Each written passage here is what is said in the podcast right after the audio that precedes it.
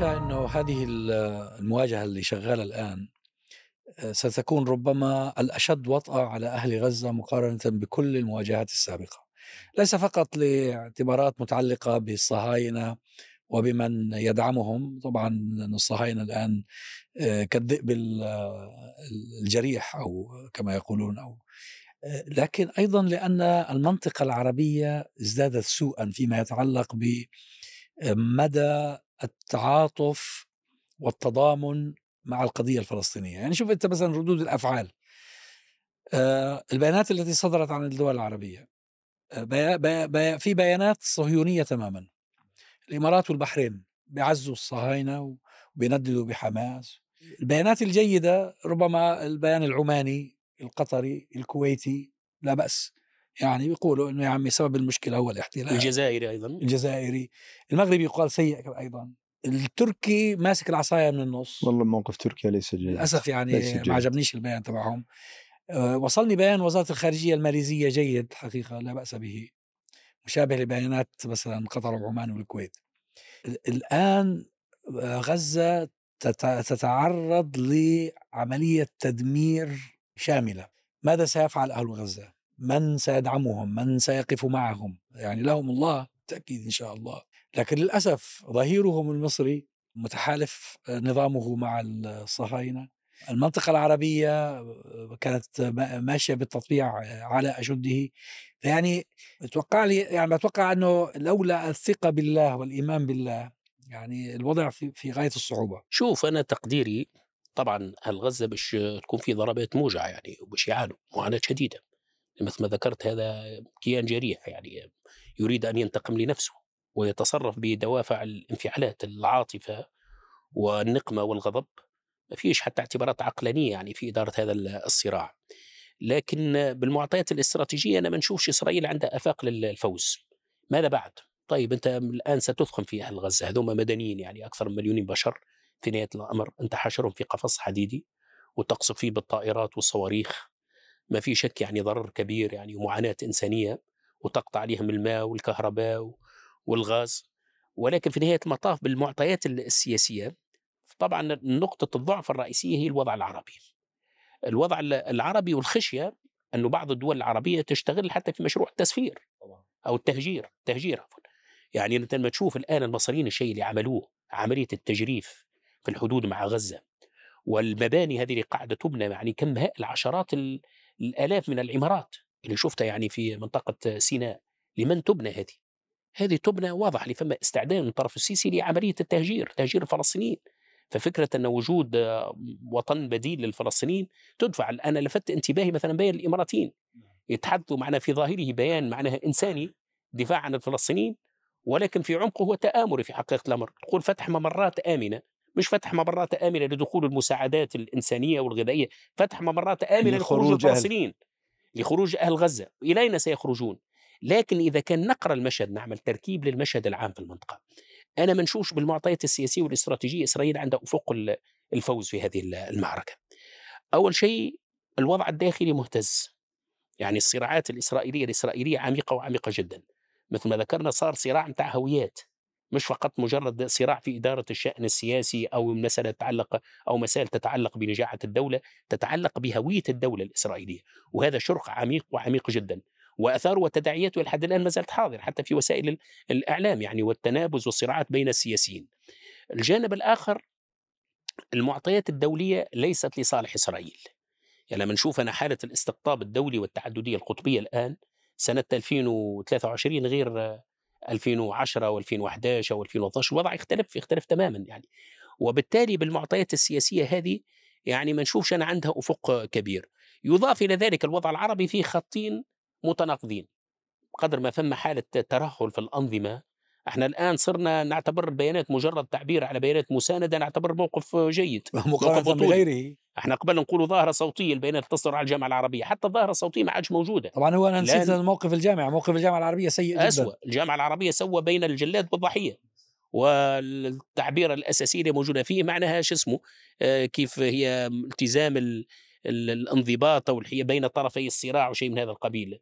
ضبط الاعصاب ضبط يعني كأن طرفين يعني متكافئين بين المعتدي والمعتدى عليه. رحم الله ف الدكتور محمد مرسي. فماذا لما وقف وأجبر الأمريكان على التدخل وأوقف الحرب. أنا في حرب غزة 2012 أنا كنت موجود في الميدان مباشرة. يمكن أربع خمس الجامعة العربيه. الموقف ال- المصري كان هو المحدد يعني كان أيام وتوقفت مجموعة وزراء وزراء آه،. راحوا ذهبوا لأنه مصر كانت هناك نعم ذهبنا إلى غزة مباشرة وبعدين حتى موقف الجامعة العربية كان يختلف تماما أصدر بيان قوي وراد عن اسرائيل بس بس هذا يعني بس هذا. يأخذنا لما لما بعد آه، هناك يعني تلازم بين الوضع في فلسطين أو مستقبل الوضع في فلسطين ومستقبل الوضع في العالم العربي. الوضع في العالم العربي الآن بائس مثل ما تفضلتوا مثل ما ممكن ضلنا نحكي لساعه أو أكثر عنه ولكن في نفس الوقت هو لم يحسم. يعني بمعنى لا تزال هناك حالة صراع في المنطقة العربية والدليل على ذلك إحنا من 2013 اللي هو آه، عندما حصل الانقلاب في مصر كل الناس قالوا انتهت الدنيا بس من 2013 إلى 2023 كل سنتين كان يصير في حدث مهم صحيح أن كل هذه الأحداث لم تنتج آه، نتيجة نهائية جيدة ولكنه كان في حد ذاته يثبت تراكم نعم حراك ويثبت إنه مستمر. في حراك يعني صار في عندنا مظاهرات بالجزائر صار في عندنا مظاهرات في العراق طويلة صار عندنا آه، جولتين مظاهرات أظن في ال- الأردن 2014 يمكن 2018 ناسي الأسواق يعني في آه، تناقض بين الوضع الرسمي والشعبي هذا اللي حبيت أقوله يعني. نعم في تناقض والأهم من ذلك بأن هذا التناقض لم يحسم يعني بمعنى لا يمكن أن نقول بأن الدولة هيمنت هي- على الوضع اللي نعم وسيطرت اللي على نقول قبضتها ما- بعد نعم الاستعمار نعم. اللي ه- اللي هي امتدادها لا يزال موجودا اليوم قد أنهى ال- الصراع. وبالتالي هناك أفق عربي هذا من جهة. من جهة أخرى أنا أعتقد بأنه ما حصل في آه، فلسطين في غزة آه، في 7 أكتوبر آه، خلال شهر أو حتى شهرين ثلاثة من الخطأ أن ننظر إلى آه، إلى نتائجه خلال هذه الشهر شهرين. يعني بمعنى هذه الشهرين الشهر شهرين سيكونوا آه، زي ما قال تشرشل في الحرب العالمية الثانية. يعني سيكون دمار دماء حزن آه، سيكون قتلى كثيرون ستهدم بيوت سيحصل ربما تحصل مجاعة لأنه واضح أن إسرائيل الآن ليس لديها أي ضابط لا إنساني ولا ملتزم بالقانون الدولي. ولكن هذا الحدث كما ذكرنا في بداية نقاشنا سيكون له ما بعده خلال فترة على المدى المتوسط. لا يمكن أن تستمر المنطقة بعد هذا الحدث كما كانت قبله. شو طبيعة التغيرات؟ لا نعلم ممكن تكون سلبية الله أعلم. بس يعني ال- ال- الأك- الأكثر احتمالا هو أن هناك تغييرات جذرية ستحصل نتيجة ما حصل لأنه إحنا اليوم نتحدث عن انهيار آه، مش بس انهيار هيبة الجيش الإسرائيلي انهيار منظومة ال- الد- الأمن الغربي. لأنه إذا فهمنا أنه هي ممثلة للغرب أو هي تساوي الغرب في انهيار لم- لمنظومة الأمن الغربي من جهة. هناك لأول مرة دخول إلى فلسطين المحتلة عام 1948 أو أو أن يجري الصراع عليها صحيح لوقت محدود ولكنه لأول مرة آه هذه الم- المرة ال- آه الوحيدة التي تكون ال- المبادرة آه آه عربية وليست فقط مجرد ردة فعل. هذه المرة الوحيدة التي تحرك فيها الولايات المتحدة كل هذه ال- القوة والبرجة الطائرات والآن بنحكي عن آه، بريطانيا وغيرها. كل هذه دلائل على أن ما حصل سيكون له ما بعد وأنا أعتقد بأنه سيكون إيجابيا. لكن في الطريق إليه نحن طبعا نأسف لما آه، نحن نحلم من بعيد و يعني بعيدين عن حرارة اللحظة والمأساة ولكن آه، في النهاية آه، هكذا هكذا كان دائما أحد تاريخ الشعوب. الكتاب أشار لنقطة برضو مكملة لما تفضلت به قال بأن ما فعله أهل غزة يوم السابع من أكتوبر سيرسل رسالة للشعوب العربية بأن هذا الكيان الذي كان يوصف بأنه أقوى جيش وبأنه لديه كل التقنيات والمعدات أنه قابل للهزيمة وأنه إذا إذا توفرت الإرادة آه، فإنه يمكن أن يخترق.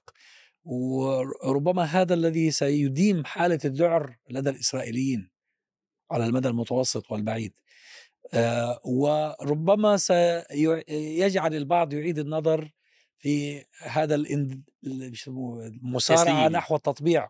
نحو التطبيع لأنه الآن أنت بعد بعد هذا الذي حدث بأي وجه ستطبع السعودية ولذلك السعودية إسرائيل. مباشرة تراجعت أي. يعني واوقفت المسألة حتى لأنه يقال إنه بيانهم كان كويس يعني كان جيد إلى السعودية حد كبير كويس. طبعا نعم هو لأنه- شوف أنا تقديري المنطقة العربية أصيبت بالحالة من الجمود القاتل فرض عليه فرضا يعني كانت عندها فرصة تاريخيه للتغيير في ثورات الربيع العربي 2010 2011 صارت حالة تغيير في المنطقة تحولت من حالة محلية في تونس كذا بعد انتقلت إلى بقية الدول العربية يعني صار تغيير في الإقليم. آه تم آه احباط أو إجهاض الاجهاز على هذه ال- العملية. وفرض الجمود السياسي القاتل على المنطقة العربية من 2012 2013 بالقوة العسكرية وبالحديد والنار وبتسليط هذه الأنظمة. كما يقول ماركس ال- ال- الحرب أداة التاريخ غير الواعية. إيش معنى أداة التاريخ غير واعية؟ هي المحرك الخفي للتاريخ. لما يصير ستاتيكو العوامل العادية العوامل السياسية والاقتصادية. هذاك التراكم الكمي الذي يؤدي إلى تراكم إلى تحول نوعي. ما يجريش بصورة طبيعية. يعني مجال الديناميكية السياسية مجهض في العالم العربي. الإمكانية الوحيدة الآن لهز هذا الاستقرار المصطنع والجمود المفروض في العالم العربي هو بحدث من الوزن الثقيل. وما فيش قضية تحرك الشارع العربي والإسلامي مثل القضية الفلسطينية. لأن القضية الفلسطينية هي كما تقول آه، تعطي آه، آه، رسالة واضحة اللي ال- البعد العربي والإسلامي في الموضوع ماهيش قضية محلية. ما ولذلك تشوف. أنا موضوع غزة الآن يدخل كل بيت عربي. يعني الآن الساعة السياسية في العالم العربي والعالم الإسلامي في حقيقة الأمر وربما ما هو أوسع من ذلك وكلها معدة على غزة. في خطان متناقضان في العالم العربي. إذا نظرت للوضع العربي من زاوية الدولة الرسمية ومن زاوية النظام الرسمي العربي فحالة انهيار يعني. أوضاع التطبيع وغياب الرؤية المشتركة والصراعات العربية وبعض الدول العربية صارت منخرطة يعني بصورة كاملة في المشروع الصهيوني مقابل ذلك فما حالة تعافي شعبي. ولذلك لا أستبعد أن تقع حتى انفجارات شعبية أن الشارع العربي يتحرك سواء في دول الطوق المباشر أو ما بعد الطوق المباشر. لأن القضية الفلسطينية موجودة تسكن كل قلب وضمير كل عربي كل وكل مسلم. وبالتالي أنا لا أستبعد أن تقع تغييرات آه، نوعية في العالم العربي. هو السؤال الرئيسي هو اللي ما همش طرحينه الاسرائيليين ماذا بعد؟ الاسرائيليين الآن يتصرفوا بدوافع الغريزة أنهم مجروحين ما همش طرحين على أنفسهم الآن. طيب هيك دخلت غزة أنت الآن؟ فأنت ماكش في مواجهة جيش نظامي أنت في مواجهة شعب أعزل. يعني أنت تقاتل الآن في المدنيين وكيف تقاتل المدنيين؟ بصورة غير أخلاقية. يعني إسرائيل تلقت ضربة عسكرية موجعة ومؤلمة جدا يوم 7 أكتوبر الآن ستضيف اليه ضربة أخلاقية ومعنوية. يعني سيكون جيش قوي ومسلح بأعتى الأسلحة في مواجهة يعني شعب مدني محاصر هذا على الرغم من حجم ال- المأساة الكبيرة التي سينتجه تصرف خصمك أو عدوك وفق غريزته آه، هو في صالحك في نهاية الأمر ولو على المدى البعيد. آه، هذه نقطة قد تجيب على سؤال ماذا بعد. أنا ولذلك أنا أعتقد بأنه النتيجة على المدى المتوسط ستكون لصالح ال- المنطقة لصالح الشعب الفلسطيني على الرغم من كل التضحيات التي في نتيجة الطريق. على فكرة آه أنه وأنت ذكرت الستاتيك أو الركود حالة الركود اللي كانت موجودة. أول نتيجة لهذا الفعل أنه أخرج القضية الفلسطينية من حالة الركود والموات. يعني الناس نسيوا فلسطين فكرة وانشغلوا ال- الإسرائيليون ومن يطبع معهم يشعرون بالنشوة. بانهم تمكنوا من تجاوز كل هذا وفي سلطة فلسطينية موجودة في رام الله هي تدير شؤون وصرنا نعد كل. يوم داخل فلان على التطبيع آه. وفلان على التطبيع وفلان على التطبيع وغزة بيدخلوا لها شوية أكل وبيدخلوا لها آه. شوية مية وشوية نعم. كهرباء والأمور ماشية إلى آخره. هذا الحدث آه، حرك المياه الراكدة وربما من سيكتب آه، في المستقبل سيعود إليه ليقول ان ما جرى في تاريخ كذا وكذا وكذا من بعد يعود سببه إلى ما حدث في 7 والحقيقة أكتوبر. إسرائيل في كل جولة تصاب تصاب في موقفها الأخلاقي ويتكشف لشريحة جديدة من الجماهير العالمية معلومات لم تكن تدري عنها يعني إحنا في كل مرة صح نلحظ بأنه إحنا الطرف الأضعف بس من حيث. أصدقاء يعني لكن في كل مرة يعني تعاد سردية الاحتلال 48 ما الذي فعل بالقرى الكتاب اليهود الذين يكتبون ضد المشروع الصهيوني الممارسات الجرائم والتي هي مغيبة الناس ما تعرف عنها. قضية الجدار العازل قضية ال... يعني الحقيقة آه، يعني تعليقات آه، باحثين وأكاديميين و- و- وشخصيات يعني مختلفة عامة مسلمة وغير مسلمة منهم يهود. الحقيقة تصريحات من أروع ما يمكن وهي يعني تقدم معلومة أنا باعتقادي أنه الآلة الإعلامية الترويجية الإسرائيلية تكره أن أن أن تكشف ولذلك على فكرة لن يفلح آه، آه، الطوق المفروض على حرية التعبير في الإعلام نعم. وجود ال social media بالذات واضطرار وسائل الإعلام ال mainstream إلى أن تعطي ولو حيز بسيط للرأي الآخر يجعل المعلومات تتدفق على الناس وكل الناس الآن يتساءلون طيب ما هي هذه حماس؟ من أين جاءت؟ وما هو أصلها؟ يعني أنا تأتيني اتصالات باستمرار ودار النشر اللي نشرت كتابي اليوم بعثوا لي كذا إيميل جايهم استفسارات آه، هذا اللي الف الكتاب اللي اسمه عزام التميمي نريد أن نتواصل معه لأننا نريد أن نفهم هذه الحركة كيف نشأت وكيف تطورت وكيف وصلت من أمريكا ومن البرازيل ومن غيرها، معنى آخر إنه هذا الحدث سيزيد من اهتمام الناس بحماس وبالقضيه الفلسطينية على عكس ما يرجو الإسرائيليون ومن يناصرونهم شوف الآن موضوع التطبيع الآن مثلا. أنا تقديري ضرب في مقتل. يعني الآن أشبه ما يكون بسارق ليل وتنير فيه الكهرباء الضوء يعني. الان ما عادش يقدر يتقدم أكثر وعش لو خلى حتى السعودية تتوازن في موقفها. هذا شيء جيد على كل حال ونذكر طبعا شيء جيد طبعا. أن السعودية في طبعاً. البداية كان موقفها مضطرب في المنطقة الرمادية بس بعدين موقفهم كان جيد. تواصلوا مع الأتراك تواصلوا مع الإيرانيين وكان في موقف في قدر من التوازن. لأنه دول التطبيع الآن ستواجه مأزق كبير. الذريعة الأساسية اللي كانوا يستندوا لها اللي هي تحسين وضع الفلسطينيين يا عمي. وإحنا ما نشوفش نكونوا ملاكين أكثر من الملك والفلسطينيين قبلوا بعد التطبيع وفي سلطة فلسطينية تمثلهم. فلماذا لا يكون في تطبيع معناها وأن المنطقة تسير في في الوضع ال- الع- العادي في السياق العادي؟ هذا الآن لا- ليس له أفق. في ظل ال- حالة الاشتباك في ظل حالة الغضب الفلسطيني الغضب الشعبي العربي لا تستطيع أن تتقدم. وبالتالي مشروع إسرائيل الرهانات الإسرائيلية وحتى الأمريكية الآن سقطت في الماء. وستحتاج إلى وقت كبير وكبير جدا. وأنا ما أتصور أن الأمور ستعاد ستعود إلى ما قبلها. حدث من هذا الوزن الوزن الثقيل باش يعمل شرخ. لا يمكن الأمور أن تستمر على نفس الوتيرة كأن لا شيء لم يكن طبعت الإمارات ومصر مطبعة والأردن مطبعة وخلاص الآن ماشي للسعودية وبقية دول الخليج. هذا لن يتم في حقيقة الأمر. يمكن هي من المرات القليلة في التاريخ إسرائيل تكون إمام خيارين إما القبول في الهزيمة أو تحقيق حالة تعادل. يعني معنى إحنا لحد الآن ما سمعناش خطة واضحة أو رؤية واضحة للقادة الإسرائيليين ما هي الخطوة القادمة. طبعا كل اللي حكوه بحالة غضب انفعالي أو غريزي إنه سحق حماس. حماس والدكتور عزام أكثر واحد بيعرف حركة مش كيان مسلح هي بالأساس حركة اجتماعية. يعني هي امبيدد موجودة بين الناس في غزة ليست في كونها فقط حركة تحرر وطني. هي حركة لها جذور اجتماعية ودينية متوافقة مع ثقافة البيئة اللي جابتها. طيب كيف بده يتحقق هدف؟ سحق حماس؟ حماس ملهاش وزارة دفاع، نظام دفاع جوي، هرمية قيادية، إحنا ما بنعرف إلا ثلاث أو أربع قادة فقط أسمائهم معلنة، أو كل العالم بيعرف نفس المعلومة، محمد ضيف، يحيى السنوار، فقط هي الأسماء. لذلك قصة حم... إسرائيل طبعا قادرة على نظريا محو غزة عن الأرض لأن تمتلك قنابل وتمتلك آه، مساحات لكن غموض وهلامية الهدف العسكري المعلن يبدو لي إنه غير قابل للتحقيق. ولو افترضنا مثلا إنه آه، هناك عملية إسرائيلية ت- يعني تستلزم آه، إسرائيل أنها تقضي على حماس.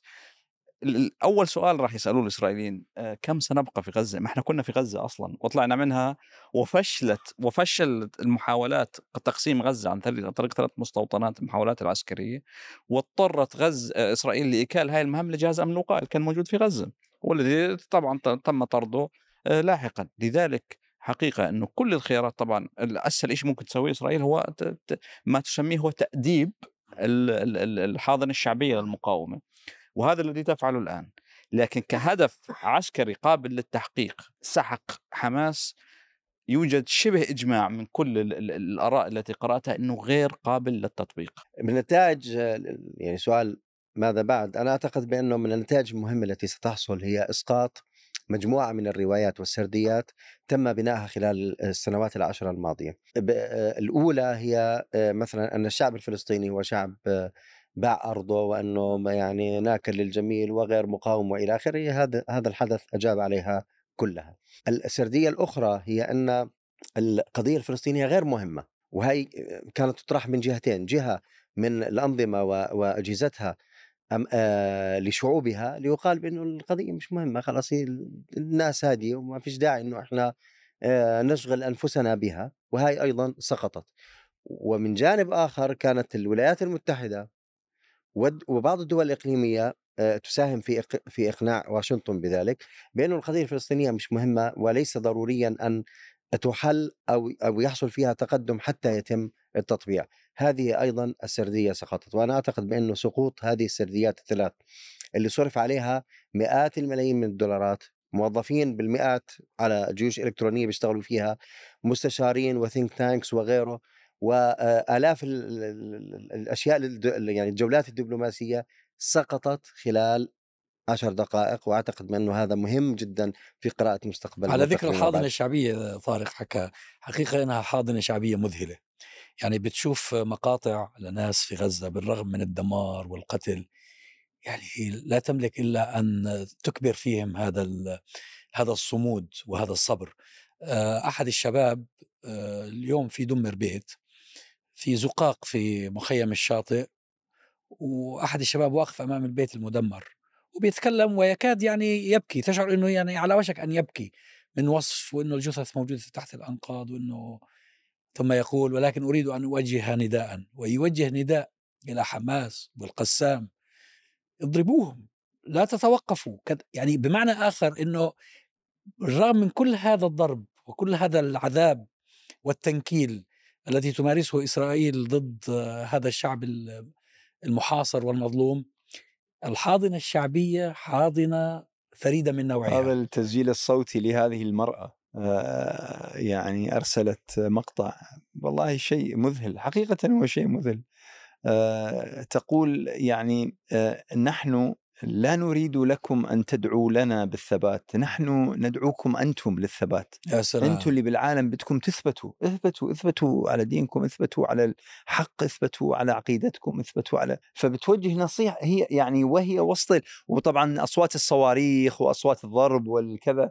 وتقول تقول أنا الحمد لله رب العالمين. يعني أنا دعوت الله سبحانه وتعالى بدعاء أنه يا رب بس أولادي ما يصحوا على أصوات الصواريخ والقذائف والكذا. قالت فالحمد لله ناموا ولم يستيقظوا قط ناموا نوما هانئا رغم أنه إحنا محاطين بصواريخ وضرب. فالحمد لله إحنا بخير وبنعمة. أنتم بس ديروا بالكم على حالكم. ولذلك كيف تشوف المعطيات هذه؟ تركب هذا معطى من المعطيات الأساسية. الحاضنة الشعبية صلبة وصلبة جدا. قدرة الناس على التحمل رغم انها فعلا يعني محنة كبيرة وكبيرة جدا يعني هدم البيوت على رؤوس المتساكنين وقطع الكهرباء والمية يعني معاناة شديدة. ولكن الفلسطيني مسلح بالوعي.